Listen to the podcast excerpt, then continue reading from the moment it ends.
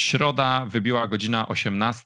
Czas na nową żużlową propozycję Radia Gol, czyli magazyn żużlowy w taśmę, w którym to będziemy omawiali sobie wydarzenia związane głównie z niższymi ligami żużlowymi, to znaczy Ewiner pierwszą ligą żużlową oraz drugą ligą żużlową, no, która dopiero wystartuje. E, ja nazywam się Piotr Kaczorek i będę prowadzącym e, tego magazynu.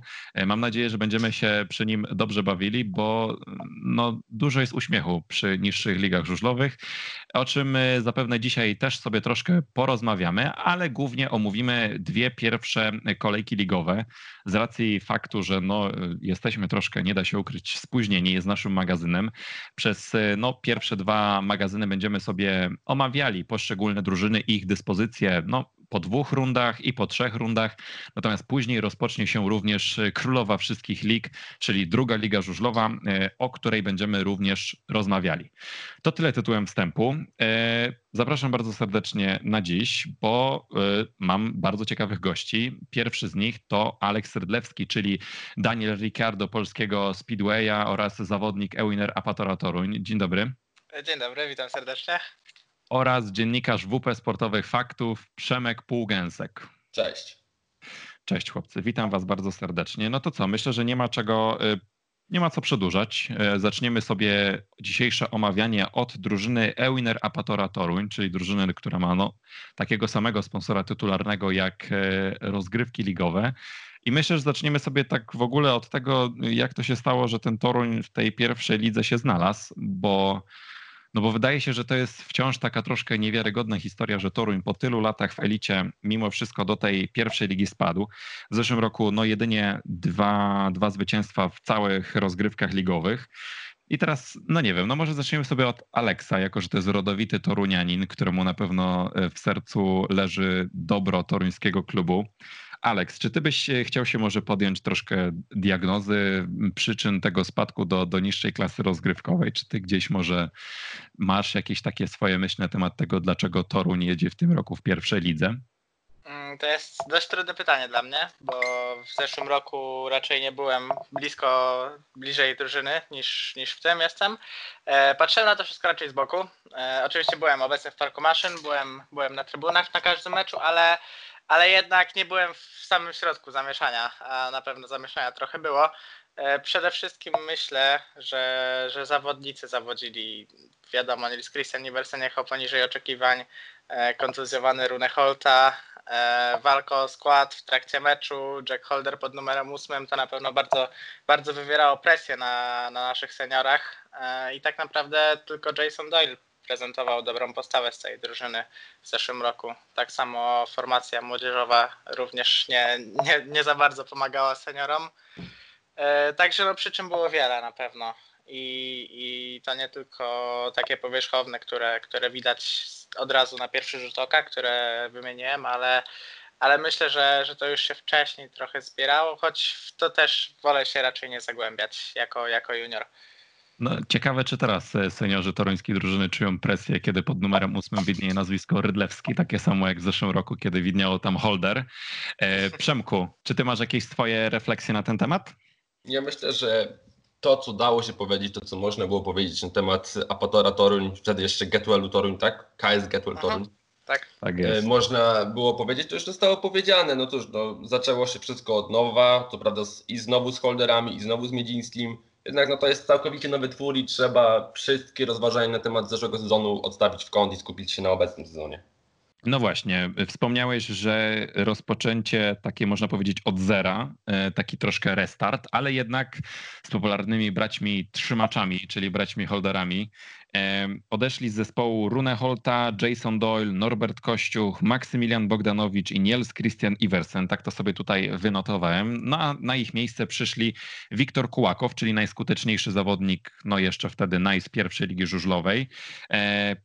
Ponadto powrócił do Torunia po dwóch sezonach przerwy Adrian Miedziński, no i przyszedł również Tobiasz Musielak, czyli siódmy najskuteczniejszy zawodnik poprzednich rozgrywek ligowych. E, patrząc z perspektywy po tych dwóch rundach, czy ty, Przemku, zostawiłbyś również, będąc na miejscu no, prezes Ilony Termiński, ale wiemy, że tam również macza, macza palcami e, Przemysław Termiński przy, przy tej drużynie. Czy ty byś pozostawił braci Holderów w tym zespole? To jest dość ciężkie zagadnienie. No, pokazują już Holderowie którąś kolejkę, już drugą kolejkę, że nie ma na nich mocnych w pierwszej lidze. I pod tym kątem, patrząc tylko terminowo, to zdecydowanie była dobra decyzja. Pytanie, co w przypadku no, właściwie już pewnego awansu Apatora do Ekstraligi, co wtedy zrobić z holderami? Czy to wciąż są zawodnicy na Ekstraligę? Moim zdaniem nie. Z drugiej strony będzie ciężko ich odstawić, prawda, jeżeli oni będą ich ciągnęli aż do awansu. Także być może ta decyzja wcale nie była aż tak dobra. Wszystko każe się po sezonie, jak państwo termińscy spróbują to ogarnąć. No, ja chyba jednak mimo wszystko zrezygnowałbym z holderów. Jednak, a kogo byś na ich miejsce widział w drużynie Epatora przed tym yy, sezonem? Przed tym sezonem no, mówiło się, że wraz z trenerem bajerskim ma przyjść Dawid Bellego. Póki co ten transfer na przykład Polonii się opłacił, to Polonii jeszcze mamy wrócić, to nie będę o tym więcej mówił. Yy, w grze oprócz Wiktora Kłakowa yy, byli też inni zawodnicy z pierwszej ligi. Myślę, że na przykład taki Peter Liung, również z Tarnowa, mógłby się w Toruniu przydać, a przy tym nie miałby żadnych pretensji, gdyby po awansie po prostu został odstawiony z powrotem do pierwszej ligi, tak? Mhm. No rozumiem. Rozumiem tutaj Twój punkt widzenia. Faktycznie coś, coś w tym jest. Alex, y, właściciel sponsora tytularnego Waszej drużyny chciał się założyć, czy nawet się założył, że Apator Toruń w tym roku żadnego meczu nie przegra. Jakie jest Twoje stanowisko w tym zakresie? Czy Apator przegra coś w tym sezonie, czy będziecie niepokonani? Ciemno bym nie obstawiał, ale, ale został przez zarząd postawiony jasny cel. E, wygrywamy wszystkie mecze, które są możliwe do wygrania. Mamy być przez cały czas na pierwszym miejscu w tabeli. Jeśli rozgrywki miałyby być przerwane, to musimy być na pierwszym miejscu w tabeli, żeby awansować. I właśnie nie liczy się nic poza awansem w tym roku. E, cel jest jasny, mamy, mamy swoje zadanie do wykonania z całą drużyną i, i będziemy do tego dążyć. Ale to też jest właśnie ciekawa, ciekawa sprawa, którą poruszyłeś, że zarząd e, postawił wam jasny cel, że przez cały czas trwania rozgrywek macie być na pierwszym miejscu na wypadek ich przerwania. E, to jest, przyznam szczerze, taka nowa myśl, która, która wcześniej mi do głowy nie przyszła, ale ciekawa. No jestem ciekaw, jak to by wyglądało, gdyby na przykład no, odpukać niemalowane, gdyby te rozgrywki zostały, zostały w pewnym momencie przerwane. A chciałbym Cię jeszcze zapytać. No bo... To jest, jest zapis, przepraszam, że przerywam, ale jest zapis o. E, w regulaminie, chyba że właśnie jeśli rozgrywki zostaną przerwane, to awansuje drużyna, która jest na pierwszym miejscu w tabeli w momencie przerwania. Aha, no to ciekawe, no bo wiem na pewno, że są zapisy dotyczące tego, co się dzieje w przypadku, kiedy na przykład drużyna wycofuje się z rozgrywek na danym etapie, czyli tam na przykład, jeżeli wycofa się po siódmej kolejce, po czternastej kolejce i tak dalej, i tak dalej, ale o tym, że e, w przypadku, kiedy zostaną te rozgrywki przerwane, awansuje drużyna z pierwszego miejsca, no to, to o tym nie wiedziałem. To dziękuję bardzo za uzupełnienie. No, ja ale... sam regulaminu też nie, nie studiowałem, ale, ale tak nam zostało napowiedziane i, i taki mamy cel, być przez cały czas na pierwszym miejscu. Jasne, rozumiem. E, chciałbym się ciebie jeszcze dopytać, no bo wspominaliśmy o tym, że w drużynie toruńskiej są bracia Holderowie. E, oprócz tego przyszli do tego zespołu Wiktor Kłakow, Tobiasz Musielak, e, no i Adrian Miedziński, czyli można powiedzieć, no taka legenda toruńskiego żużla. Jak ty się odnajdujesz w takiej drużynie, w której no, no są naprawdę duże nazwiska, bo, bo pomimo tego, że Tobiasz Musielak no może gdzieś ten początek sezonu ma troszkę gorszy, czy wcześniejsze lata w Ekstralidze nie były dla niego najlepsze, czy też na przykład dla braci Holderów te, te poprzednie lata w Ekstralidze nie było jakieś super, no to, to są to duże nazwiska. Jak ty się czujesz w, takim, no w takiej plejadzie gwiazd tak naprawdę? Mm, tak zanim o tym to nie powiedziałbym, że to Tobiasz Musielak gorzej zaczął sezon, bo, bo formę ma dobrą, a tak naprawdę męczyły go różne przypadki nie do końca zależne od niego, typu kamerzysta zatrzymujący taśmę albo kolizja z Cierniakiem, po której stracił hak w motocyklu. Tak, I masz rację. Czapki, czapki z głów dla Tobiasza za przejechanie całego biegu bez haka, bo jest to naprawdę ciężkie i, i otwierałem oczy z wrażenia, jak widziałem jak jechał bez nogi, także... Masz, masz rację, ale chciałbym tylko zauważyć, że Tobiasz jakby te wydarzenia, o których powiedziałeś są fakty, faktem, ale w obu spotkaniach był, naj, był seniorem, który no najgorzej punktował, no to trochę źle brzmi, jeżeli zawodnik przywozi 7 plus 1, no ale fakty są takie, że spośród seniorów zdobył najmniej punktów, prawda? I, i, I, tylko tutaj do tego zmierzam. No, gdzieś do tej dyspozycji możemy też zaliczyć tego pecha, ale zostawmy może już Tobiasza Musielaka. Pytanie było, jak ty się czujesz w tej plejadzie gwiazd? E, ja się czuję bardzo dobrze. E, myślę, że to jest zasługa trenera Tomasza Bajerskiego, który od samego początku, odkąd przyszedł, bardzo dba o atmosferę. E, mieliśmy obóz integracyjny na początku sezonu, wszyscy się razem poznaliśmy i jest ta atmosfera wspólnej pracy po sukces. Jeśli wygrywa, na razie wygraliśmy oba mecze i jest bardzo dobrze. Nie wiem, jak to by było, gdybyśmy nie wygrywali tych meczów, ale mogę powiedzieć sam od siebie, że, że i na treningach też czuję, czuję wsparcie i, i na zawodach od starszych kolegów. E, oni też nie są zapatrzeni tylko w siebie, tylko wszystkich interesuje nasz wspólny cel jako drużyny i jest wzajemna pomoc, czego wcześniej, wcześniej raczej nie było. Także bardzo mnie to cieszy i, i bardzo się dobrze czuję, będąc częścią tej drużyny. A jak wchodziłeś do tej drużyny i poznawałeś, czy to tam Chrisa Holdera, czy Adriana Miedzińskiego, którzy no, z Toruniem są związani od wielu, wielu lat. No, ty pewnie jeszcze jako tam mały chłopaczek, jak chodziłeś na żużel jako kibic, no to, to, to podziwiałeś tych zawodników, miałeś trochę takie miękkie nóżki z galaretki, e, kiedy ich, kiedy ich poznawałeś, no bo wielcy panowie żużlowcy, a teraz twoi koledzy z drużyny. No cały czas mam, cały czas powiem Ci, że nie przywykłem do końca do tego, że, że jestem w jednej drużynie z Mistrzem Świata na przykład i jest to zawsze budujące, bardzo budujące i, i pozytywny, przynosi pozytywne uczucia, jeśli, jeśli taki Chris Holder po, podejdzie do Ciebie na treningu, e, klepnie po ramieniu po gorszym wyjeździe albo, albo przygotuje Ci pole startowe. Także no. Czyli generalnie Chris tobie usługuje, tak? To, to jest wniosek, który powinien z tej rozmowy. Z nie, nie, nie, nie, nie, pomaga. E, pomaga, I pomaga. Czuć tam, pomoc. Także no dobra, a, a, z kim się najlepiej dogadujesz? Z tego grona seniorów? Z grona seniorów właśnie z Chrisem. Na, na, na, szczęście nie ma bariery językowej, mam, jestem w klasie z rozszerzonym angielskim, także nie sprawia mi to problemów. No proszę, a jakiś certyfikat masz? E, jeszcze nie. Jeszcze nie. A do jakiego będziesz się przygotowywał? Za rok będzie maturka rozszerzona, a, a co dalej zobaczymy. Okej, okay, okej. Okay. A jeszcze takie pytanie do ciebie, Alex, bo u was w Toruniu jest bardzo dużo juniorów, tak? Nie ma u was jakiejś takiej konkurencji dużej na treningach na przykład? Mm, generalnie tak, jest, jest Igor, Kamil, ja. E, to jest taka trójka, która, która jest w składzie.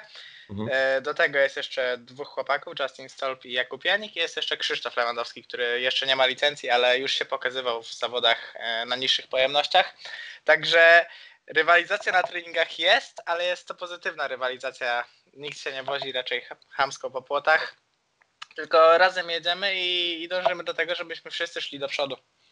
A y, co z Cyprianem Bielińskim? Bo przyznam się, że zerkam właśnie w tym momencie na skład i tutaj ławka jest trochę szersza niż ty powiedziałeś. Jest jeszcze Filip Niezgorski, jest Cyprian Bieliński. Co z tymi chłopakami? Oni zakończyli kariery, czy, czy przerwali je?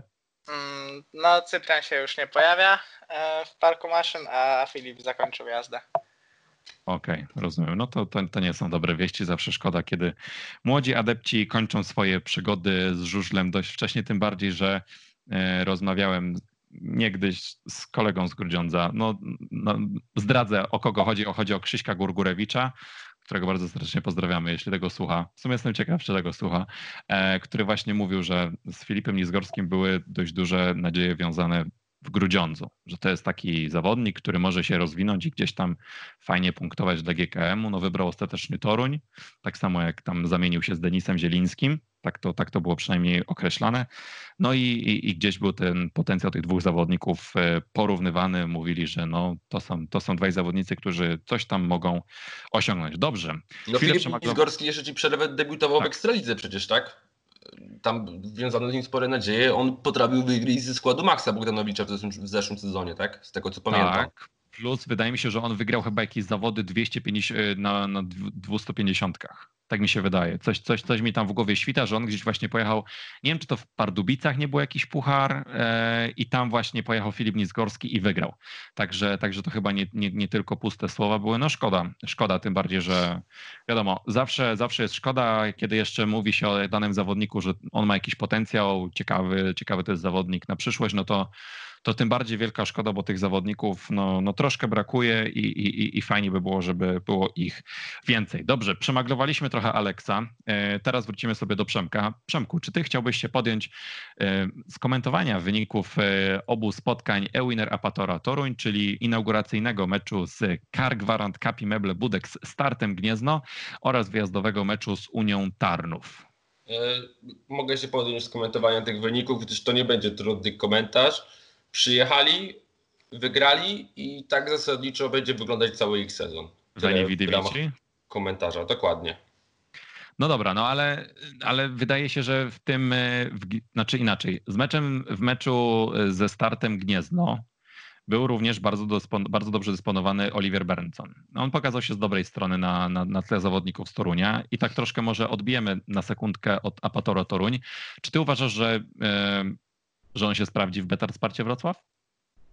Znaczy, Oliver Bernson, dochodziły mnie głosy z Gniezna, wspominał o tym Mateusz Domański, Mateusza Domańskiego też pozdrawiamy, e, że Bernson poprawił starty, tak? Że rzekomo kiedy Bernson poprawi starty, to będzie już zawodnikiem kompletnym, będzie świetnym liderem na razie wygląda na to, że idzie mu całkiem nieźle, tak? Pytanie, czy to nie jest zawsze na Ekstraligę. Teraz działacze dali mu możliwość spróbowania się w ramach instytucji gościa. No, wszystko zweryfikuje tor. Wydaje mi się, że mimo wszystko może to być jeszcze trochę za wcześnie, że może za rok. W Betar Sparcie Wrocław występuje również na zasadach gościa inny zawodnik, który występował w tym spotkaniu. Mowa tutaj oczywiście o Chrisie Holderze. Alex, y, czy te że tak powiem, wcześniejsze jazdy Jacka i Chrisa e, Holderów, czyli waszych braci trzymaczy, e, czy, czy one im jakby pomogły, czy to czy ta ich jazda w Ekstralidze, również jazda w Ekstralidze Adriana Miedzińskiego, to było coś, co jakby spowodowało, że ten start Apatora jest aż tak dobry? Mm, bez wątpienia indywidualnie to, te starty pomogły e, naszym zawodnikom, bo jak wiadomo, im więcej się jeździ, tym się jeździ lepiej, tym się jest w lepszej formie. Mm, no i przede wszystkim teraz jest deficyt tych startów i, i wszyscy chcą jeździć jak najwięcej, żeby się rozjeździć, żeby spróbować innych torów, e, bo tak naprawdę okazję mamy trenować tylko w Toruniu i przed startem ligi tak naprawdę jedyne jazdy jakie były to w Toruniu, na naszym torze i na treningach e, w jednym zamkniętym gronie. Nie było się z kim sprawdzić na, na innym, z, nie było się z kim sprawdzić z innych klubów e, na innym polu, trudniejszym może i także, także na pewno te starty im pomogły. A czy ty miałeś może jakieś zapytania z niższej klasy rozgrywkowej, żeby występować jako ewentualny gość, czy, czy, czy, czy nawet może pójść na wypożyczenie, czy, czy, czy totalnie nic nie było? Mm, no to może zostawię dla siebie. Dobra? Czyli coś było. Dobra, ale to powiedz chociaż w którym rejonie Polski. No nie, nie, nie, nie będę mówił. Bo to Nie. wystarczy Piotrek już, spojrzeć bada, na bo, wtedy. Piotrek już bada temat, bo Martin Studziński się nie sprawdził, szuka wzmocnień dla startu. Nie, do Dokładnie konkurencji, tak. do konkurencji na pewno nie pójdę. Okej, czyli druga liga, tak? Okej, w porządku. Dobrze, czyli, czyli wiemy, że gdzieś jakieś zapytanie z drugiej ligi było. A No może, dobra. a może Rybnik szuka juniora? Tak, mówisz, że do Rybnika? Nie, wydaje mi się, że Rybnik chyba nie. No i powinni być chyba zadowoleni z Mateusza Tudzierza. W sensie, jak już i wygląda ten sezon tak, jak wygląda, zapełnili, że tak powiem, tę drugą, no nawet nie dziurę, tylko wyrwę na juniorce, zapełnili ją Kamilem Nowackim, no to tego Mateusza Tudzierza chyba powinni objeżdżać. Nie wiem, co Przemek na ten temat sądzi. E, Ja sądzę, że e, w magazynie lig niższych powinniśmy jeszcze rok się wstrzymać z ocenianiem rowu Rybnik. Wiesz, to, to za rok dopiero. Ale ty jesteś złośliwy. No ale masz rację, Nie masz no, rację. nie no, żarty żartami, ale, ale Mateusz Tudzież przejechał w zeszłym roku bardzo dobry sezon i ja razem z nim w Rybniku zdawałem licencję e, i też chłopak zrobił bardzo duży postęp, także życzę mu jak najlepiej. I Tak, ja, znaczy, żeby nie było, ja też uważam, że y, taka krytyka ogólna juniorów rybnickich była przesadzona po tym pierwszym meczu, bo ten pierwszy mecz rzeczywiście był bardzo, no, no był, był tragiczny, nie oszukujmy się, to, był- to był kabaret wręcz, ale potem naprawdę to nie wygląda aż tak źle i trochę oni są krytykowani bardziej przez ten pierwszy mecz niż przez kolejne występy. Też mam takie Masz wrażenie. rację, plus dodałbym jeszcze do tego, że tak jak na przykład spadła no, fala krytyki na e, zawodnika o nazwisku Kłosok, tylko nazwiska zapomniałem, Konrad czy Kacper? Kacper. Kacpra Kłosoka, bardzo przepraszam. Tak spadła po prostu fala, wiadro pomyj zostało wylane na Kacpra.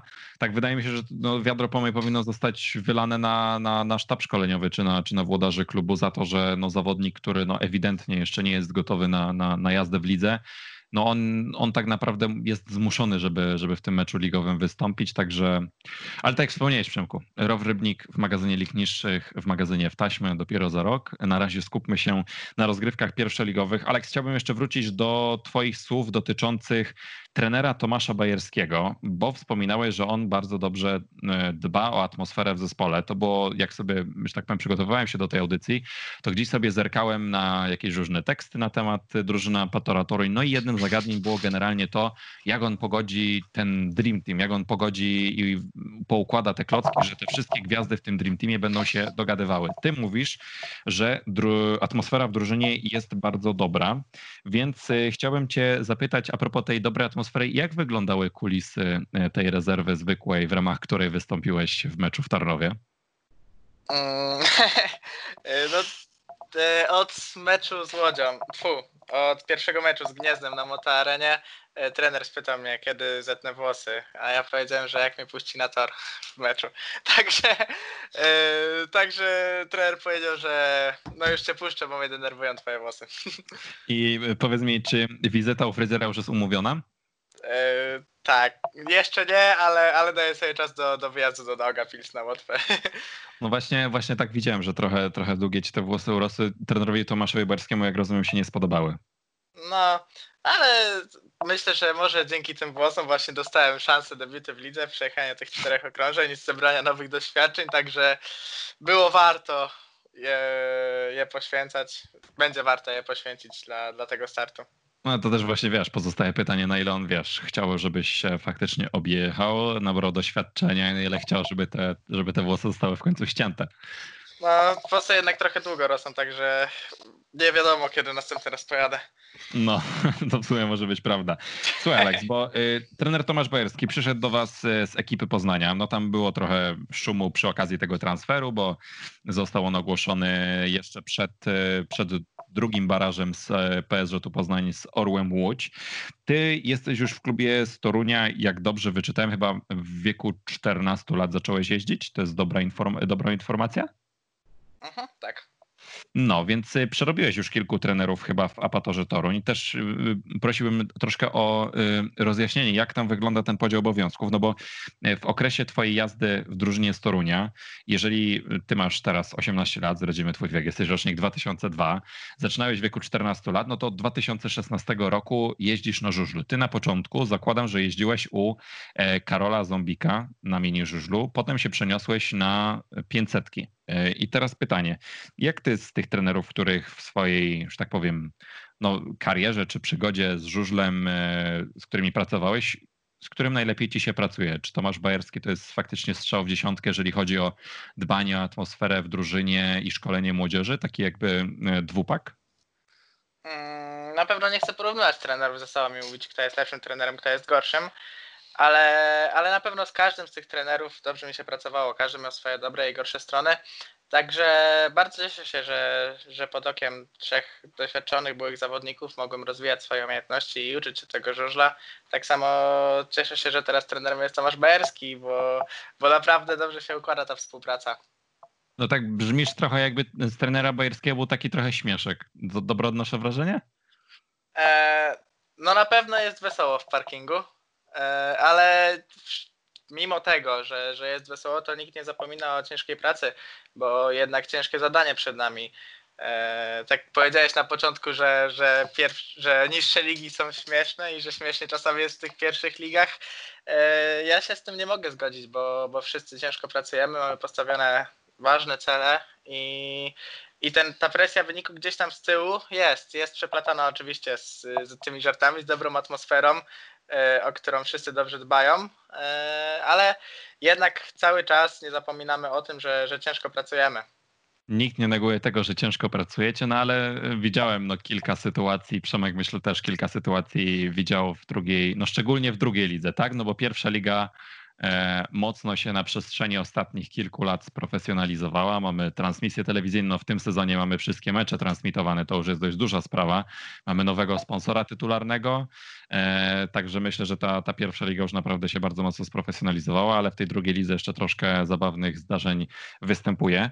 Chciałbym Cię jeszcze zapytać o taki aspekt y, bycia żużlowca, który jest no wydaje mi się, że jest dość nieprzyjemny, no bo ty, ty w tym pierwszym spotkaniu z e, Kar Gwarant Kapi Meble Budek z startem Gniezno e, byłeś awizowany pod numerem 16. Na tor ani razu nie wyjechałeś, no czyli de facto byłeś takim e, trochę, mówiąc brzydko, kewlarem w tej drużynie, to znaczy wypełniłeś miejsce w składzie, ale na to, że się nie pojawiłeś.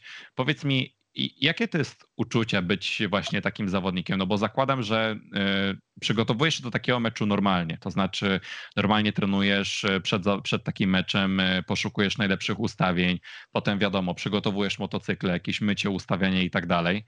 E, pierzesz kevlar, pierzesz całą, ta, wszystkie te ubrania, które pod kevlar zakładasz, przyjeżdżasz na ten mecz, rozgrzewasz się, idziesz normalnie na obchód toru i jak to dalej wygląda? Mm, no na pewno jest to ciężkie, jeśli, jeśli całe zawody się przesiedli, szczególnie, że, że cały czas jestem w pełnej gotowości. E, muszę tą koncentrację cały czas utrzymywać, cały czas śledzić, co się dzieje na torze, e, równania, poczynania innych zawodników. E, to wszystko też jest mimo wszystko męczące, ale właśnie taka jest twoja praca, jeśli jestem wystawiony pod tym numerem. Trener mówi, że, że jestem pod numerem ósmym, ja w ogóle nie dyskutuję, tylko to jest decyzja trenera, on tak mówi i, i muszę być gotowym cały czas. Oczywiście mam cały czas nadzieję, Yy, oczywiście nie, że coś się stanie, tylko że właśnie dostanę szansę, tak jak na przykład w Tarnowie. Yy, cały czas na tre... Tak, cały czas na treningach ciężko pracuję na to, żeby, żeby do tego składu wejść już pod numerem młodzieżowym, żeby jechać od drugiego biegu. Na pewno dużo łatwiej byłoby zadebiutować yy, pod takim numerem a nie wskakując w 12 biegu, ale, ale biorę co mi dadzą i jeśli trener dał mi szansę w tym 12 biegu, to jestem wdzięczny za tą jedną szansę i, i ciężko pracuję na to, żeby dostać kolejne. No czy to zakładam... z numeru 8, 16, czy to pod numerem młodzieżowym. Bo zakładam, że no, kiedy trwają takie zawody, no to ty, choćbyś nawet był jakimś superleniem, to nie możesz sobie pozwolić na siedzenie sobie w parkingu i granie w twoją ulubioną grę, czyli Speedway Challenge. E, nie możesz sobie pozwolić, że po prostu sobie usiądziesz, będziesz miał to totalnie gdzieś. No musisz gdzieś tam brać udział w tych naradach, badać mniej więcej jak się ten tor zmienia i dostosowywać pewnie też ustawienia motocykla. Czy, czy po obchodzie toru tylko założysz jakieś tam załóżmy zębatki, doregulujesz ten motocykl i potem stoi, bo nie wiesz co się dzieje na torze. Nie, nie, nie, na pewno tak jest. Speedway Challenge nie gram pomiędzy biegami, e, gram w trasie na zawody i z zawodów. Słuchaj, ty w e, Speedway Challenge nie grasz tylko pomiędzy biegami. Cała pozosta cały pozostały czas, kiedy nie siedzisz w motocyklu, grasz w Speedway Challenge. To jest tak, oficjalna tak. wersja. To jest, też, to jest też element mojego treningu i przygotowania, poznawanie tak. torów. Naprawdę to dużo daje. Tak, tak myślałem, tak myślałem. No. A w trakcie przerw, czy, no bo jak zawodnicy przyjeżdżają na mecz, rozgrzewają się przed tym meczem, no to są rozgrzani, że tak powiem, do tego pierwszego biegu. Ty się musisz później w trakcie zawodów dogrzewać, żeby pozostać w tej całej, cały czas pozostać w gotowości? Mm, nie, już w trakcie zawodów się raczej nie dogrzewam, ale, ale tak jak mówiłem, muszę śledzić co się dzieje, muszę być cały czas gotowy na wyjazd. Motocykl musi być cały czas zagrzany. Na szczęście e, pogoda jest dość sprzyjająca temu i nie muszę w połowie zawodów odpalać drugi raz tego motocykla i go grzać. E, ale no jakby było zimniej, to bym by była taka konieczność. E, I cały czas czekam. Jeśli tor się diametralnie zmienia, to, to z mechanikami też zmieniamy przełożenia. Słuchamy tego, co, co mówią koledzy z drużyny i, i jesteśmy cały czas gotowi, żeby wyjechać. Rozumiem. Dobrze. To chyba na tym zakończymy ten temat Torunia, bo tu już prawie pół godziny rozmawiamy na temat e, drużyny Ewiner Apatora Toruń. E, Przemku, czy ty masz może jakieś dodatkowe pytania? Coś jeszcze chciałeś poruszyć w kontekście tej drużyny? Nie, myślę, że ten temat póki co wyczerpaliśmy. Myślę, że najbliższym ciekawym terminem, kiedy będzie można rozmawiać o Apatorze, to będą, będzie już po derbach, mi się wydaje. Wtedy będzie można coś więcej ciekawego powiedzieć o tej drużynie. Ale sugerujesz, że Abramczyk, Polonia Bydgoszcz postawi się Ewiner Apatorowi Toruń? Znaczy, czy się postawi, to może i się postawi. Jakoś zwycięstwa Polonii nie zwiastuje, chociaż wiadomo, to są derby, tak? Na derby cała Polska, na derby Kujawi może cała Polska czekała te 7 lat, tak? Myślę, że tu się może dziać ciekawie, na pewno, tyle mogę stwierdzić. Mhm, no bo jak zacząłeś już tak ten wstęp, że następnym ciekawym wydarzeniem, kiedy, kiedy będzie można omawiać Ewiner Apatora Toruń, to pomyślałem sobie, że powiesz, że będzie dopiero mecz w ostatniej rundzie, kiedy Apator Toruń zmierzy się na torze w Gnieźnie z Kark Meble Budek z startem. E, no ale, ale przeliczyłem się chyba, przeliczyłem się chyba. A y, przeczytałeś nazwę z kartki, czy znasz już ją na pamięć?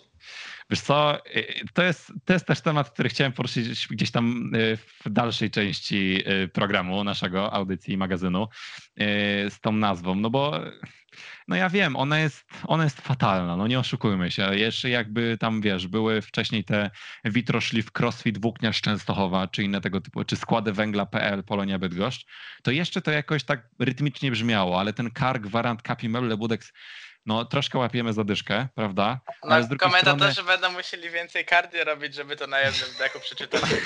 No trochę tak, ale z drugiej strony no już ten temat jest już, no nie chcę mówić brzydko, ale on już jest naprawdę bardzo zmęczony jest ten żart. I ja przyznaję, ta nazwa jest fatalna. Oczywiście jest też druga strona, która, na którą należy, druga strona medalu, o której należy też wspomnieć, że no brawa dla działaczy, że oni tych sponsorów tytularnych pozyskali, choć jeszcze, albo nie wiem, może nigdy się nie dowiem, ale no nie wiemy, czy na przykład, czy to było, czy nie była konieczność obniżenia, że tak powiem, ceny tego pakietu tytularnego, czy pójścia na jakieś ugody, no zawsze trzeba iść na jakieś, jakieś kompromis, no ale generalnie chwała im za to, że pozyskali tych sponsorów tytularnych, no i ten temat już jest naprawdę naprawdę jest już tak przemęczony. No ta nazwa jest jaka jest i będziemy, będziemy się z nią musieli przez ten sezon przemęczyć wszyscy, bo to nie tylko gdzieś tam kibice startu, e, ale no już, już naprawdę dajmy spokój, na ile można, ile można. No to jest siedem wyrazów tylko, naprawdę, to da się zapamiętać. Ja, ja się znaczy ja nie jestem wielkim jakby obserwatorem zbyt bacznym drużyny z Gniezna, ale z reguły jak muszę gdzieś w artykule napisać pełną nazwę, to ją się upewniam w Google, bo tak z pamięci mam wątpliwości, czy ją pamiętam tak dokładnie na pamięć. Chciałbym cię przeszkalować, ale nie będę aż tak niemiły. Ja tak, Gwarant, jakiegoś... Kapi, Meble, Budex, tak? Stan no, Gniezno. Brawo. No, no widzisz, już się nauczyłem. No, naprawdę. No jak ktoś ma problem z zapamiętaniem siedmiu wyrazów, powinien skonsultować się z takim specjalistą. A jeszcze była słynna nazwa MDM Dryer komputery? Nie, MDM komputery chyba Dryer. MDM komputery Dryer. W takim tak, razie, MDM komputery to jest, e, to, jest, e, to jest nazwa firmy tego co kojarzę. MDM Komputery Dreyer ZKS Ostrowia Ostrów Wielkopolski. Też no widzieć taka drużyna. To by nadzieję, derby. Mam nadzieję, że start nie skończy. No ale teraz też było nie, nie najgorsze derby. Była Arget Malesa, też od Ostrowia Ostrów Wielkopolski. Nie zapominajmy o moich Bermudach. Widzisz, przynajmniej moje Bermudy są w Ekstralidze, nie to co na repater e, Dobrze. Mówiłeś, że już nie może się śmiać z, karma, z nazwy Gniezna, bo to już za dużo. Także ze spadku Apatara też się śmiejmy, już minęło. To wystarczająco. Dobrze, masz y, naprawdę, Alex, bardzo dużo racji w tym momencie, dlatego y, kończymy się, kończymy to śmianie się i przechodzimy sobie do naszego kolejnego tematu. Po prostu skoczymy nie za daleko, bo skończymy sobie, y, skończymy, skoczymy sobie do drużyny Abramczyk Polonii Bydgoszcz, która to jest Beniaminkiem Ewiner pierwszej ligi żużlowej. No czyli przed sezonem jak była taka ta tabela i na przykład właśnie w Speedy Challenge robiliśmy nową wersję, po prostu takie kryptoreklama, że hej. E, ale generalnie to właśnie Ewiner Apatoratorym był na pierwszym miejscu, a Abramczyk Polonia Bydgoszcz na ostatnim miejscu. Więc tak sobie skoczyliśmy po tej tabeli przedsezonowej całą, że tak powiem, wysokość w dół. I to jest Beniaminek. Beniaminek rozgrywek, tak jak wspomniałem. Przedsezonowe transfery, jeśli można, jeśli możemy sobie jeszcze o nich y, w tym momencie powiedzieć. Odeszli René Bach do Opola i Marcin Jędrzejewski do Kros. Znaczy oprócz tego jeszcze na przykład Marci, Marcel Studziński odszedł do Gniezna, ale te dwa transfery, te dwa odejścia były takie... nie odszedł do Gniezna. Marcel Studziński... Zakończył wypożyczenie, tak, w, tak. Tak, tak, a przeszedł, przeszedł do Gniezna. Tutaj masz rację, faktycznie moja pomyłka, ale w zamian za tych dwóch e, Speedway Riderów e, przyszli Dawid Bellego z Poznania, Francuz, Kai Huckenbeck, Niemiec z Łodzi i oprócz tego Andreas Liager Hansen, czy An Andreas, Andreas, dobrze chyba powiedziałem, Andreas, Andreas tak. Liager e, Hansen z klubu w Pile. No i oprócz tego jeszcze potężny transfer Mateusza Błożekowskiego, ale to, to, to do, do niego jeszcze wrócimy później. No bo teraz mają chyba więcej punktów już niż w karierze klubów. O 100%, Nie? o 100% powiększył swój dorobek punktowy w karierze. To też jest prawda, widzisz? To jest po prostu... To jest wygrał walkę o skład, a, a rywalizował z Nikodemem Bartochem, który tak, tak, tak, tak, tak. Chociaż y, mnie dochodzą głosy, bo oczywiście w nowym reżimie sanitarnym nie mogę się pojawić na treningu Polonii, ale dochodzą mnie głosy, że wśród młodzieżowców na treningach najlepiej sprawuje się Mateusz Jagła, co jest niespodzianką. No ale to dlaczego on nie jedzie? E, to jest też bardzo dobre pytanie, dlaczego nie jedzie Mateusz Jagła i to ktoś na nie końcu musi odpowiedzieć. Ale do kogo byś skierował to pytanie? Myślę, że do jedynej osoby, która w tym klubie jest osobą zarządzającą, tak? Do pana prezesa i właściciela i menedżera Jerzego I Kanclerza. kierownika drużyny? Nie, on chyba I kierownikiem kierownikiem drużyny. drużyny jest jego syn Krzysztof Kanclerz. Co w rodzinie, to nie zginie. Dobrze, e, panie Przemku, trzeba tę dyskusję trochę uporządkować, bo to po prostu... Aj, po prostu e, takie rozwydrzone bachory, masakra. Tyle gadamy, masakra, naprawdę. E, Dobrze, więc e, Przemku, czy ty te ruchy transferowe oceniasz pozytywnie czy negatywnie? Głównie pytam też pod kątem pozostawienia pewnych zawodników, którzy byli w składzie Polonii Bydgoszcz jeszcze w zeszłym sezonie w drugiej lidze. Jak najbardziej, znaczy jak najbardziej może nie. Oceniamy też pozytywnie. Dawid Bellego, no byliśmy pewni, że on się sprawdzi, tak? Wszyscy. No, to, to, to nie był zawodnik na drugą ligę, tak? I pokazuje, że faktycznie nie licząc tych wyjść pod taśmę, które faktycznie nie napawają jakąś wielką radością, to poza tym na trasie jest naprawdę jednym z najlepszych zawodników w tej lidze i niedługo pewnie znajdzie się w Ekstralidze w ramach y, gościa.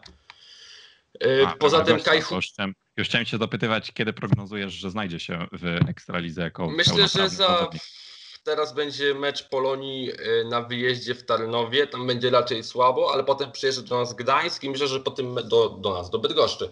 I myślę, że po meczu Polonii z Wybrzeżem to Dawid Belegu będzie już miał klub w Ekstralidze. To jest moje prywatne zdanie. No to rychło w czas, bo potem przyjedzie Star Gniezno i po prostu z Polonii Bydgoszcz i z Dawida Belego nic nie zostanie. Ale przepraszam, E, może tak być, jak najbardziej. Ale przerwałem ci, kontynuuj swój wywód. E, Tak, Kai Hülkenberg moim zdaniem za szybko odstawiony od składu, gdyż też e, wiem na przykład z wielu źródeł, że na treningu przed meczem z, e, z uciekło mi teraz, z, to się wytnie, z Orłem Łódź. To się nie wytnie, panie kolego. Yy, wytnie. Mówisz o meczu z Orłem Łódź Tak, przed przed, treningiem. meczem przed z Orłem. Łódź Kai Mhm. Hülkenberg sprawował się na treningach najlepiej z całej Polonii. Y, Jerzy Kanclerz odstawił go od składu, gdyż obwiniał go o zawalenie meczu w Ostrowie, no i o słabą dyspozycję w sekach. O ile z tym drugim można się zgodzić, o ile czy Kai Hülkenberg zawalił pierwszy mecz w Ostrowie, to się nie zgodzę, bo w dwóch pierwszych startach miał trzy punkty i bonus, później został odstawiony, zamiast niego wszedł Andreas Lajager, a kolejny bieg odjechał dopiero w 13 gonitwie, no, gdzie przywiózł zero, no ale jak się nie jedzie przez połowę zawodu, co trudno przynieść, przywieźć co innego. Także tu się do końca z tym nie zgodzę. I transfer Lejagera uważam, że poza Frederikiem Jakobsenem z Gniezna, sorry Alex, ale poza Frederikiem Jakobsenem z Gniezna nie ma lepszej ósemki w tej lidze niż Andreas Lejager. No polemizowałbym, polemizowałbym. I e, no tak, to myślę, że w gruncie rzeczy te e, transfery może ocenić pozytywnie. Zapomniałeś o transferze Nikodema Bartocha. To prawda, po jego nie którym wymieniłem. wiele sobie w Bydgoszczy ludzie obiecywali. Pierwszy mecz nie wyszedł mu, w drugim już nie dostał szansy. No dobrą sprawę zobaczymy. No, Tomasz Orwat miejsce w składzie ma pewne, tak? Co by o nim nie mówić, zaliczył naprawdę duży progres między sezonami. To było widać w tym meczu z Orłem Łódź, tak? No jest po teraz... tym ostatnim meczu pojawiły się komentarze, że to jest zawodnik, który jeszcze no, ma szansę zrobić niezłą karierę. Co na przykład, y, kiedy rozmawialiśmy, nie wiem, w poprzednim sezonie o tym zawodniku, no to, to, to raczej wydawało się bardziej nieprawdopodobne niż prawdopodobne. Moim zdaniem, jeżeli junior, bo to jest jego ostatni sezon jako juniora, tak? Tak Jeżeli jest, junior chce po sezonie w pierwszej lidze dalej robić karierę jako senior, to jego średnia biego punktowa, no to musi mieć tak 1,6, 1,7 mi się wydaje minimum, tak? Jeżeli Mhm. Orwat do takiej średniej dociągnie, to dlaczego w sumie nie, tak? Może w Polonii jako zawodnik z numerem 8, może gdzieś w drugiej lidze. Nie mówię nie. Ale oprócz niego, no to potrzebne jest jeszcze miejsce dla drugiego juniora i tam Nikodem Bartoch musi rywalizować z Mateuszem Boczykowskim i Mateuszem Jagłą, co pokaz... i to rywalizację przegrywa póki co, tak? Co pokazuje, no, że to coś nie może tej formy znaleźć, zdecydowanie. No dobra, ale zadałem ci to pytanie e, tak trochę, nie chciałem ci tutaj niczego sugerować, żebyś ładnie nam poopowiadał i ładnie nam poopowiadałeś, e, bardzo dziękuję, ale chciałem cię zapytać szczególnie o zawodnika, którego inicjały brzmią KB, czyli o Kamil Brzozowski? Kamila Brzozowskiego, dokładnie. I Ja y, uwielbiam to, że teraz y, w przerwie, znaczy po przerwie po dwóch pierwszych kolejkach mówi się, że Kamila Brzozowskiego trzeba odstawić od składu, że to jest zawodnik drugoligowy, że w ogóle nie ma sensu. I to piszą z reguły te same osoby, które wcześniej mówiły o nim, że to jest wielki kapitan, który wprowadził Polonię do pierwszej ligi. Ale trzeba spojrzeć też na to z drugiej strony, kto jeżeli nie Kamil Brzozowski. No właśnie, to było moje kolejne pytanie, bo no Kamil Nie można Brzozowski... odstawić Kamila Brzozowskiego, bo to jest Polak. Mamy naprawdę, to, patrzę tak, ja wierzę w to, że Kamil Brzozowski odnajdzie formę, tego jestem pewny, bo to widać, to jeszcze nie do końca jest dopasowanie sprzętowe, że to jest nie do końca jego numer e, w składzie.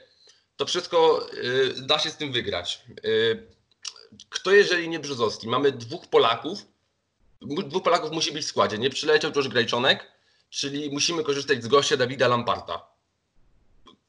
Jeżeli zostawimy Brzozowskiego, to kogo mamy za niego wstawić? No nie ma innej możliwości. No, Macie jeszcze Patryka Rolnickiego w ramach e, Nie, gościa. ale jeżeli jedzie Dawid Lampart, to nie może jechać Patryk Rolnicki. Faktycznie, masz rację, przepraszam. Ale tak. może być tylko jeden gość. To prawda, to prawda. No ale generalnie zmierzam do tego, że y, i jak w tym momencie ty się zapatrujesz na osobę Kamila, na zawodnika Kamila Brzozowskiego, bo to był zawodnik, którego no chyba najbardziej wątpiono z tej części składu, którą pozostawiono, pomimo tego, że on był chyba drugim najlepszym w ogóle zawodnikiem ligi. No generalnie Mi się gdzieś... wydaje, że mimo wszystko, no nie licząc oczywiście Iwacicia i Grobauera, tak, to najbardziej wątpiono chyba jednak w Berże. Ale y, co do Brzozowskiego, to jest zawodnik, który spokojnie jest dobrym zawodnikiem na, na takiego trzeciego lidera drużyny w pierwszej lidze, który będzie woził te tam 80 punktów. To jest zawodnik, który jeżeli tylko znajdzie szybkość, będzie miał dobry numer, to te punkty będzie przywoził. Na spokojnie. No to dobrze, no to dobrze, y, to rozumiemy Twoje zdanie, bo y, no tak jak mówię, gdzieś jak były gdzieś jakieś tam dyskusje na temat składu Polonii czytałem, no to właśnie w tego Berża aż tak nie wątpiono, tylko w Kamila Brzozowskiego na zasadzie takiej, że no, że to jest zawodnik taki, że jak ma luz generalnie, czyli na przykład no, w drugiej lidze nie masz takiej presji, no to on potrafi super pojechać, ale w momencie, gdy pojawia się tylko jakaś presja, to Kamil Brzozowski jakby po prostu zapominał jak się jeździ. Ja nie twierdzę, że tak nie jest. Nie zgodzę się, bo pamiętamy mecz z Poznaniem w zeszłym sezonie, tak? Finał z Poznaniem, gdzie presja była ogromna, tak? Mm, wiesz co, czy tam presja była ogromna? Ta porażka w Poznaniu była tak duża, że mnie się wydaje, że tam była właśnie presja mniejsza niż na przykład podczas meczu w Poznaniu. Tak, ale kiedy zaczęło się odrabianie strat, kiedy wiesz, okazało się, że to można Nadzieje odrobić. Urosłe. Tak. Oni to udźwignęli psychicznie, także moim zdaniem nie ma się do czego przyczepić w tym wypadku. No tak, to też, jest, to też jest prawda. Alex, bo ty tak nam tam troszkę tutaj teraz mniej ciebie pytałem, trochę tutaj z Przemkiem podyskutowaliśmy.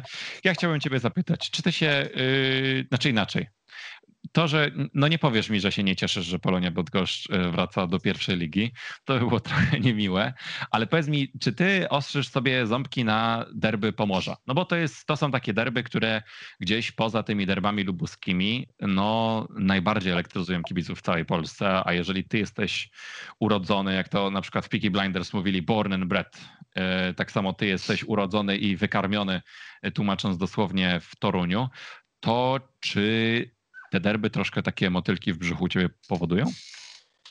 Zdecydowanie. E, na pewno nie powiedziałbym, że się nie cieszę z, z awansu Polonii z drugiej ligi, bo, bo bardzo mnie to cieszy.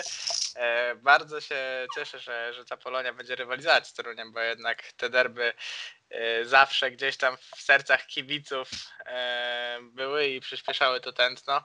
I, I sam się nie mogę doczekać tych derbów. Mam nadzieję, że będę miał okazję w nich, w nich pojechać i i nie mogę się doczekać tych emocji związanych z tym wszystkim. Cała, cała ta otoczka, e, wyjazd do Bydgoszczy, czy, czy kibice przyjeżdżający z Bydgoszczy do Torunia.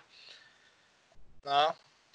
Znaczy ta otoczka w tym sezonie będzie trochę, trochę mniejszą tak. skalę, bo nie wiem czy wy wiecie, ale od wczoraj wiadomo, że oba spotkania interwowe odbędą się w poniedziałek. Mhm.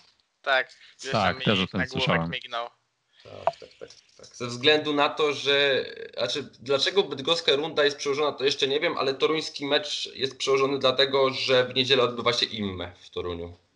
Wiesz co, ja widziałem na Twitterze, tylko już teraz niestety nie pamiętam, e, dzisiaj chyba miał się pojawić dokładny komunikat na stronie tak, Polski Piotr Szymański pisał to u Konrada Marca na Twitterze, z tego co pamiętam. Tak, ja mu Pozdrawiamy zarówno Piotra Szymańskiego i Konrada Marca. tu powinniśmy zaraz zrobić jakiś kącik pozdrowień, nie? Naprawdę, już tyle osób, co dzisiaj pozdrowiliśmy. E, jeszcze mamy i tatę pozdrawiamy i w ogóle rodzeństwo naszej i wszystkich innych e, naszych bliskich. E, ale chciałem, zmierzałem do tego, że tam chyba, y, z tego co pamiętam, była jeszcze kwestia zajętości stadionu. Z tego co pamiętam. Tylko nie pamiętam, czy to chodziło właśnie o Toruń, bo no tak, mówisz bo właśnie, że to jest Imme. Imme ma być w Toruniu, tak. A w drugim przypadku nie pamiętam, czy tam nie była może prośba miasta. Za chwilę to postaram się sprawdzić jakoś tak po cichutku. E, ja, i, jeżeli mogę rzucić teorię spiskową, to ja wiem, y, dlaczego mogła być ta prośba miasta, bo y, to już będą czasy, gdy wystartuje druga liga, a bez Dawida Lamparta walczyć z Toruniem będzie trochę ciężko. I nie wiem, czy tam przypadkiem to nie miało jakiegoś wpływu na to. Wierzysz w to? Nie chcę strzelać w powietrze, ale taką hipotezę rzucam. Ale czy ty w to wierzysz? Przypuszczam, że tak mogło być. Tak ujmę. Nie znam szczegółów, także tylko rzucam jedną z wielu hipotez. No dobrze, ja właśnie sobie w tym czasie, kiedy ty rzucałeś hipotezami i oszczerstwami, znalazłem, e, znalazłem właśnie tego, tego tweeta. Pierwsza, pierwszy termin jest przełożony ze względu na IMME, które się odbywają 15 sierpnia, co w ogóle też trochę jest dla mnie no nie w Na smak. nie 15, bo 15 jest sobota. 15 sierpnia się odbywają. Indywidualne międzynarodowe mistrzostwa Ekstraligi odbywają się 15 sierpnia. 100%. No dobrze. E, bo dzisiaj się oburzyłem, że nie jest wtedy finał IMP, tylko właśnie jest IMME. Po prostu włazi sobie z buciorami na to nasze tradycyjne miejsce. A drugi, drugi termin, jeżeli chodzi o Polonię, to jest prośba z miasta. Tak napisał Piotr Szymański na Twitterze. 17 godzin temu. Także takie są e, oficjalne wieści. Przemku, bo tak kurczę, troszkę skaczemy po tych tematach, czas nas goni, już 45 minut prawie za nami. E, chciałbym Cię jeszcze dopytać o te dwa spotkania, no bo gdzieś sobie porozmawialiśmy indywidualnie o tych zawodnikach, znaczy nie indywidualnie, że my prywatnie, tylko o poszczególnych zawodnikach, ale chciałbym, żebyś tak nam teraz troszkę jakby skomentował te dwa spotkania, no bo yy, w Ostrowie 53-37. Takim rezultatem zakończył się ten mecz. Natomiast w Bydgoszczy wynik y, to 47-43 dla Polonii Bydgoszcz. Jak ty byś skomentował te mecze? W Ostrowie wynik jest trochę zbyt wysoki w stosunku do tego, co było widać na torze. Tam biegi nominowane przeważyły, tak? Było wykluczenie Kamila Brzozowskiego, z niewiadomych przyczyn nie było rezerwy taktycznej za Dawida Lamparta, który pojechał słabo. E, no, można byłoby te rzeczy wymieniać. W każdym razie, e, no i jeszcze oczywiście zawodnicy Polonii byli minięci na ostatnim łuku w 15 biegu. Tam spokojnie Polonia powinna tych 40 dobić, gdyby patrzeć tylko rozkładem sił podczas całego meczu. Z kolei, jeżeli patrzymy na mecz e, w, Łodź, w Bydgoszczy z Łodzią, to najprawdopodobniej Łódź była zespołem lepszym. Mi się tak przynajmniej wydaje. I to się wydaje wielu osobom. Na pewno czerwona kartka dla Aleksandra Łoktajewa ten mecz ustawiła zdecydowanie i dała Polonii zwycięstwo. Pytanie tylko, czy ta czerwona kartka była zasłużona? Nie wiem. No właśnie. Co I to o tym też, sądzisz? To jest też temat, y, o którym, y, który chciałem poruszyć. I chciałbym najpierw zapytać Aleksa, no bo to jest w końcu pan Speedway Rider, można powiedzieć, że już żeligowiec, prawda? Debiut w lidze zaliczony. Aleks, y, z perspektywy żużlowca, jak ty byś tę sytuację ocenił? Czy ten atak, atak Aleksandra Łoktajewa na Dawida Bellego to faktycznie był torowy bandytyzm, czy po prostu no, bardzo twarda, ale jednak mimo wszystko walka w granicach fair play? No na pewno patrząc z perspektywy Dawida Bellego nie jest fajnie być e, w taki sposób dociśniętym do bandy, szczególnie, że, że dużą prędkość już zebrał e, z tego łuku na tej odsypanej nawierzchni, gdy jechał po zewnętrznej części toru. Ale, ale nie powiedziałbym, że, że to jest sytuacja na czerwoną kartkę. E, też mogę powiedzieć, że następnego dnia w Tarnowie trener powiedział nam na, na samym wstępie, jak przyjeżdżaliśmy do stadionu, że mamy nie machać prawymi nogami, bo bo chyba nawet regulamin zmienili po tej sytuacji i naprawdę sędziowie mają szczególną uwagę na to zwracać. E, mieliśmy wcześniej w Ekstradze też sytuację w biegu młodzieżowym w meczu w Lublina z Gorzowem, e, gdzie była żółta kartka za podobne zachowanie, gdzie nie było upadku, ale myślę, że ciekawe, czy gdyby Rafał Karczmasz wtedy upadł po, po akcji Lamparta, to, to też by była czerwona kartka nie ma co gdybać według mnie, ale, ale też nie dawałbym czerwonej kartki Aleksandrowi Oktajewowi i to zepsuło widowisko, ale też na pewno wykluczenie na całe zawody nie do końca jest dobrą decyzją w takiej sytuacji, bo, bo trener też nas uczy na treningach i, i też tam mówi, żeby zawsze zamykać ten płot, niekoniecznie machając nogą wyżej niż, niż rękoma, ale ale żeby ten płot zamykać i jeździć twardo, jednak to jest męski sport i, i każdy chce wygrać, także gdyby tej bandy Aleksander Łoktajew nie zamknął, to by został wyprzedzony, ale gdyby zamknął, ale nie aż tak ostro i nie tak agresywnie, to nie byłoby upadku i nie byłoby przerwania biegu. Także ciężko, ciężko stanąć po którejś ze stron. Czyli ty sytuacji. generalnie wyciągnę taki wniosek z twojej wypowiedzi, że czerwona, że okej, to był bardzo twardy atak, że wykluczenie było zasłużone, ale nie było to, nie był to bandycki atak na czerwoną kartkę. Dałbyś rzutko i wykluczenie pewnie. Mm, Powiedzmy, powiedzmy tak, bo, bo według mnie to nie było chamskie celowe wpakowanie w płot i, i doprowadzenie do upadku, bo za wszelką cenę trzeba wygrać. Po prostu Aleksander Łoktajek chciał się, chciał się obronić i, i tak, tak się zachował. Myślę, że Dawid Bellego też mógłby się zachować, gdyby byli w, gdyby role były odwrócone i to Aleksander Łoktajew by się napędzał, a, Bellego by się musiał bronić, to też by ten płot był przez niego zapewne zamknięty. Czy, czy z nogą w górze to, to już kwestia stylu jazdy, ale, ale na pewno ten płot się zamyka, także czy, czerwon, Hmm. czy na czerwoną kartkę zasłużył? Czy przerwę ci jeszcze, Alex, bo Dawid Bellego w 15 biegu yy, zrobił bardzo podobną akcję. Na Rohanie Tangate też zamknął mu płot bardzo ostro, z tym, że Tangate zamknął gaz i do niczego nie doszło. I No to właśnie, wspominał Przemek- dzisiaj yy, Adam Skórnicki w rozmowie znowu z Konradem Marcem. Konrad Marzec sponsoruje naszą audycję chyba. Tak, Yy, dokładnie. Wykupił pakiet sponsorski, będziemy o nim wspominali co najmniej dwa razy w ciągu każdej audycji. Tak, e, właśnie Adam Skórnicki powiedział wprost, e, przypominając obie te sytuacje, że Orzeł był drużyną lepszą, bo nie musieli się przewracać, żeby wygrać. Uuu. E, Także No, może beat. są, to są mocne słowa. A Przemek, Ja a ty... myślę, że obie strony mają trochę racji, to znaczy i atak Łoktajewa był ostry, ale Bellego mógł ten gaz zamknąć, tak jak zrobił to później Tangate. Okej, ale jakbyś był na miejscu sędziego, jaką decyzję byś podjął w tej sytuacji? Tam były, znaczy na tą decyzję trzeba patrzeć przez pryzmat kontekstu całego tego meczu. To, była już, to był już drugi bieg z rzędu, kiedy y, zawodnik Orła doprowadza do upadku polonistów. Yy, Emocji były bardzo duże, słuchaj, to było nawet w telewizji, tak? I mi się wydaje, że chyba sędzia. Ja w pierwszej chwili też w takim trochę pod wpływem emocji też uznałem, że to jest czerwona kartka. W... Patrząc na to na chłodno, wydaje mi się, że wszyscy razem z sędzią daliśmy się trochę ponieść emocją i że to nie był faulem czerwoną kartkę. No Żółta właśnie- kartka wykluczenia. Właśnie, znaczy zapytałeś mnie tam w odpowiedzi y, kilka minut temu, co ja na ten temat sądzę, więc się wypowiem. Jak już to pytanie padło, nieważne, że kilka minut temu, wypowiem się, a co?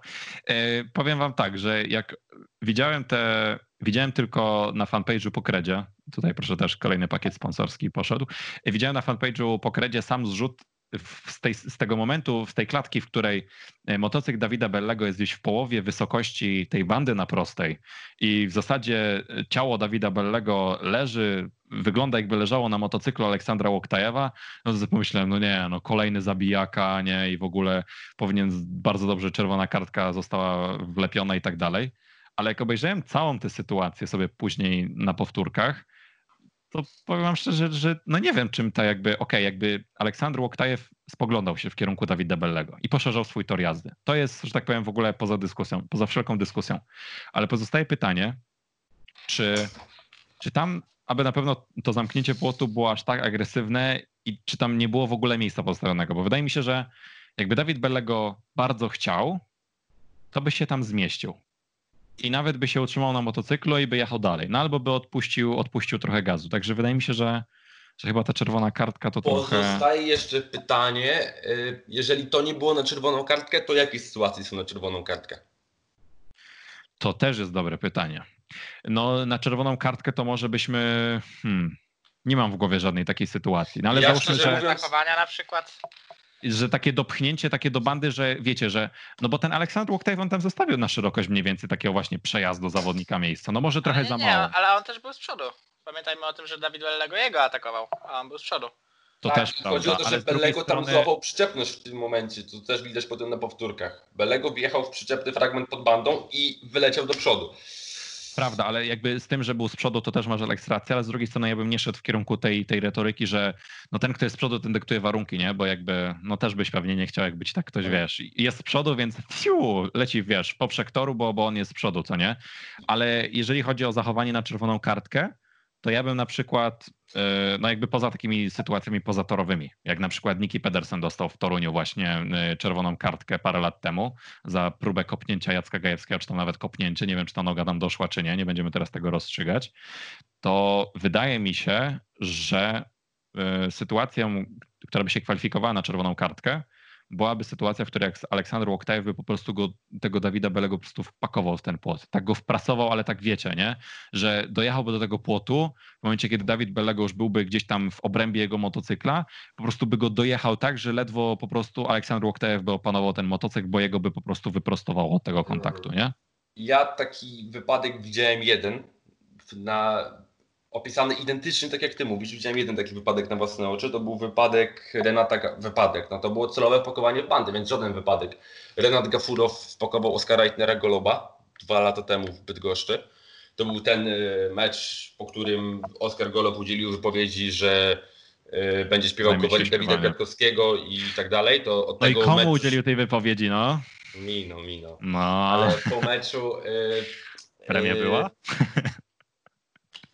E, po meczu, e, e, znaczy wszyscy się dziwili, co kierowało w ogóle na tym Gafurowem, bo to nie było w ogóle spowodowane walką, walką o tor, tak? Walką o pozycję. Tu Gafurow miał prostą drogę, a postanowił spojrzeć raz i wjechał praktycznie prostym motocyklem Oskara Eitnera Goloba. Skończyło się to kartką żółtą, nie czerwoną. No to, no nie wiem, no ale też hmm, nie wiem, czy sobie ufać. nie no, nie, żartuję. masz E, to, e, o, kolejna e, reklama naszych znajomych, a właśnie to nie tylko znajomych. E, Jarek Pabijan e, zrobił, ma ten wypadek zrobiony chyba w 10 klatkach z tego co pamiętam. To niestety e, nie jest mój znajomy. Widać go klatka po klatce, pozdrawiamy Jareka Pabijana Pozdrawiamy. i pozdrawiamy portal WP Sport Fakty, na którym te zdjęcia są opublikowane. Także Nie wiem, czy ten chce, to portal może pozdrawiamy. znaleźć. Czy nie? Już mamy jeden pakiet sponsorski na portal. E, no dobrze, no. Hmm.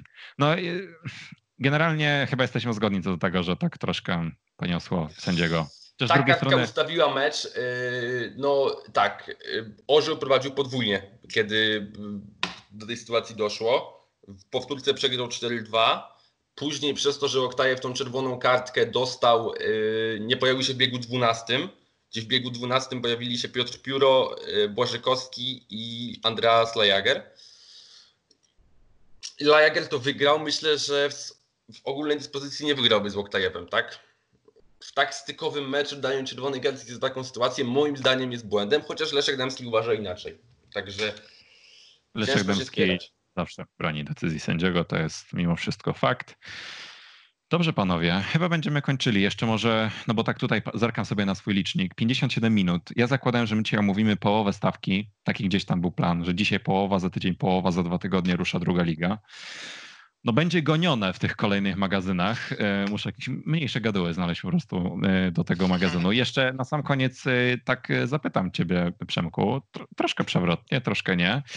Kiedy Rohan Tangate w Ekstralidze? Bo to jest obecnie najskuteczniejszy zawodnik, e-winner pierwszej ligi żużlowej. Rohan, Rohan Tangate to jest taki zawodnik, którego y, co sezon, o którym co sezon mówi się, że teraz to już na pewno Ekstraliga i nigdy tej Ekstraligi nie ma. Czy instytucja Za gościa... już nie będzie najskuteczniejszy. Zobacz... Zobaczymy, czy... Zobaczymy. Dobra, sprawę. Ciężko cokolwiek wyrokować. Myślę, że szybciej niż później, bo obecnie no to wystarczą dwa dobre mecze, trzy dobre mecze i chętny w Ekstralidze się znajdzie. Mnie się wydaje, że jeżeli Peter Lung na razie nie jest gościem w Ekstralidze, czyli zawodnik, który od kilku sezonów jest naprawdę bardzo solidny na, e, na torach pierwszej ligi, jeszcze on nie jest gościem, to, to wydaje mi się, że to szaleństwo się troszkę skończyło. Em, Mm, zrozum, że to trzeba też brać pod uwagę, że to nie może być byle jaki zawodnik. Przygotował Dawid Belego. Z Dawidem Belego jest o tyle problem, że Dawid Belego nie odnalazłby się w Ekstralidze, bo tam nie ma miejsca na tyle mijanek, a on na starcie póki co nie istnieje. Z tego powodu póki co się go y, jakby no, nie bierze do tej Ekstraligi. trzeba brać pod uwagę nie tylko jego występy w pierwszej lidze, ale też to, jak może się sprawdzić w ekstralidze. I tu musimy postawić kropkę, bo na moim liczniku 59 minut i 15 sekund, a to jest moja pierwsza audycja i ja do końca jeszcze nie jestem y, super zorientowany w temacie tego, jak to wszystko powinno działać. Dlatego najbezpieczniej będzie, jak w tym momencie postawimy kropkę. Za tydzień, za dwa tygodnie będziemy gonili. Jeszcze nie wiem w jakim składzie, to się dopiero okaże na dniach. Będziemy prosili, będziemy starali się, żeby w każdym magazynie zawsze pojawił się jakiś żużlowiec, bo to jest na pewno inna perspektywa niż, y, niż ludzi spoza toru. E, na sam koniec, pytanie szybkie, tak, nie. Aleks, y, pani prezes Ilona Termińska mówiła, że no ona ma troszkę większe oczekiwania względem formacji juniorskiej. Czy to oznacza, że może w przyszłym meczu albo za dwa mecze pojawisz się w podstawowym składzie Torunian? Tak, nie. Nie do mnie to pytanie, do trenera No, Tomasza. to, dobra. Moimi gośćmi byli Aleks Rydlewski, Ewin Rapator Toruń Dziękuję. i Przemek Półgęsek, WP Sportowe Fakty. Dziękuję bardzo. Dziękuję, dziękuję. To był pierwszy magazyn w taśmę. Piotr Kaczorek, kłaniam się nisko. Dziękuję bardzo za uwagę i do usłyszenia.